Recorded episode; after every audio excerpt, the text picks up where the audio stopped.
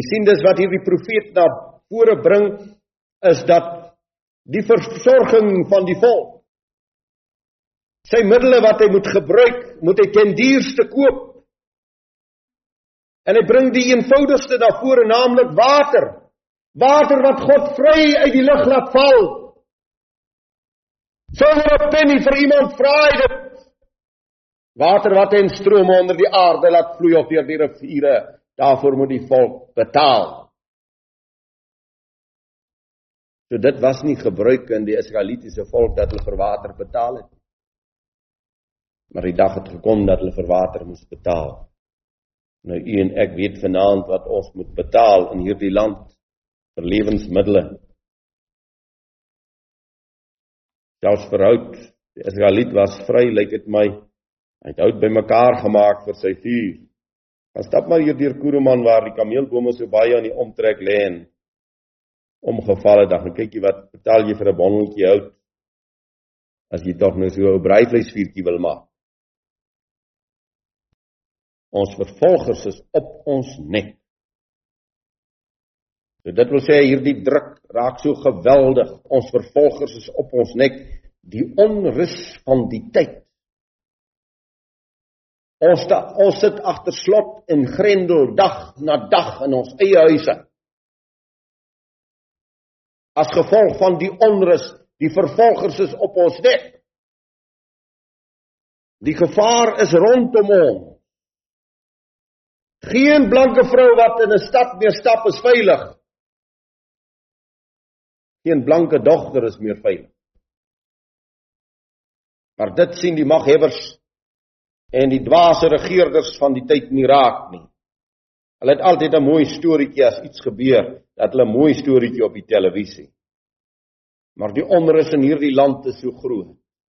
So verskriklik groot en die dissipline en die orde is aan die verval dag na dag. Vers 6 Na Egipte het ons hand uitgestrek na Asser om met brood versadig te word. Die niks werd vriende. Sanksies moet tog asseblief opgehef word oor die wêreld teen Suid-Afrika want as die sanksies nie opgehef word nie, kan ons nie lewe nie. Hierdie klomp niks werd vriende van die wêreld vir Suid-Afrika. Hulle steek hulle hand uit na al die lande van die aarde Iewers vandaan moet daar tog 'n bietjie bietjie kos kom. Hierdie verwaarloosde regering, so verwaarloos dat God in sy majesteit oorvloed van graan gee in hierdie land. En dan voer hulle dit vir niks uit nie, en weg. En vir jaar word reeds beplan ons sal moet invoer want hier is nie genoeg koring in hierdie land nie. Hier sal nie genoeg mielies in die land wees nie. Noem op. So vol waarvan as gevolg van hierdie niks werd vriende wat hulle vir hulle bymekaar gemaak het in die tyd. Maar toe hierdie volk met sy osse wa toe hy met sy osse wa in hierdie wilde wêreld ingetrek. Toe was dit nooit nodig dat hy moes kos invoer van uit die buiteland die inteendeel Die Kaap is juis gestig en begin met die oog op voedsel vir die skepe wat verbykom, vars kos. Vers 8: Knegte heers oor ons. Niemand ruk ons uit hulle hand weg nie. Jawe sê in Jeremia 13: Wat sal julle maak as ek oor julle aanstel diegene wat julle geleer het om julle vertroude vriende te wees. Knegte heers vanaand oor die wit volk. Sê my Joma, as ek reg onthou het hy iewers in Windhoek in 'n kantoor teëgemaak op 'n stadium waar sy 'n petrol joggie. Hy sit vanaand as 'n president om te besluit oor die wit regte in Suidwes-Afrika. Hy het sy naam vir die land gegee, Namibia wat beteken woestyn en dit sal 'n woestyn word as hulle aanhou regeer. Kragte heers oor ons. Trampvoels. vir jare op die tronk gesit. Maar vanaand kan hy op uitkom en minister Magnus Belang sê ek is bereid om onder u te dien. Mandela ek sal onder jou dien. Ag as jy tog maar net vir my nog 'n posie gee dat ek nog 'n paar pennies kan verdien. 'n Verwerpte volk. Wie se ministers en se se leiers verwerp is deur God en daarom neem hulle sulke standpunte in. Maar is omdat hulle hulle begewe in geheime organisasies sonder om dit te ondersoek. En God sê hulle kom nie na die lig nie sodat die werke van die duisternis nie geopenbaar sal word nie, maar hulle werke sal geopenbaar word. Knegte heers oor ons.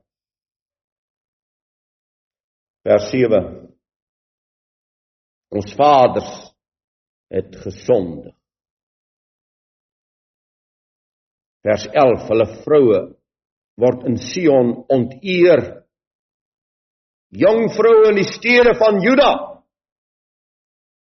Hoeveel onteerde vrouens deur nie blankes loop daar vanaand in Suid-Afrika. Ek praat nie eens van die wit staat Amerika nie.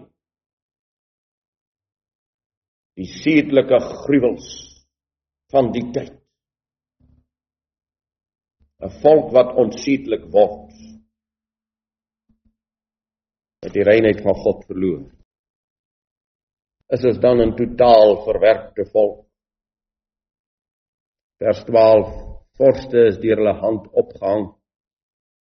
Die persoon van die grysaards nie geëer nie. Edeles. Edeles is vernietig.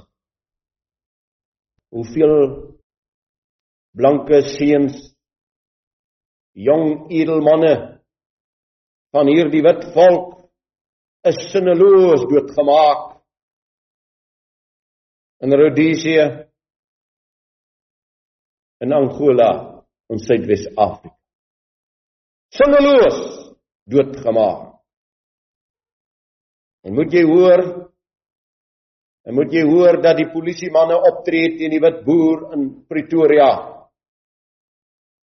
En dat hulle hulle soos skurke ingooi in 'n vangwa. Net omdat die wit boer vir 'n slag tog op sy reg wil kom staan. Vernietiging van die edeles in die land. Dan nog dinge sê vanaand, laat ek liewer swyg.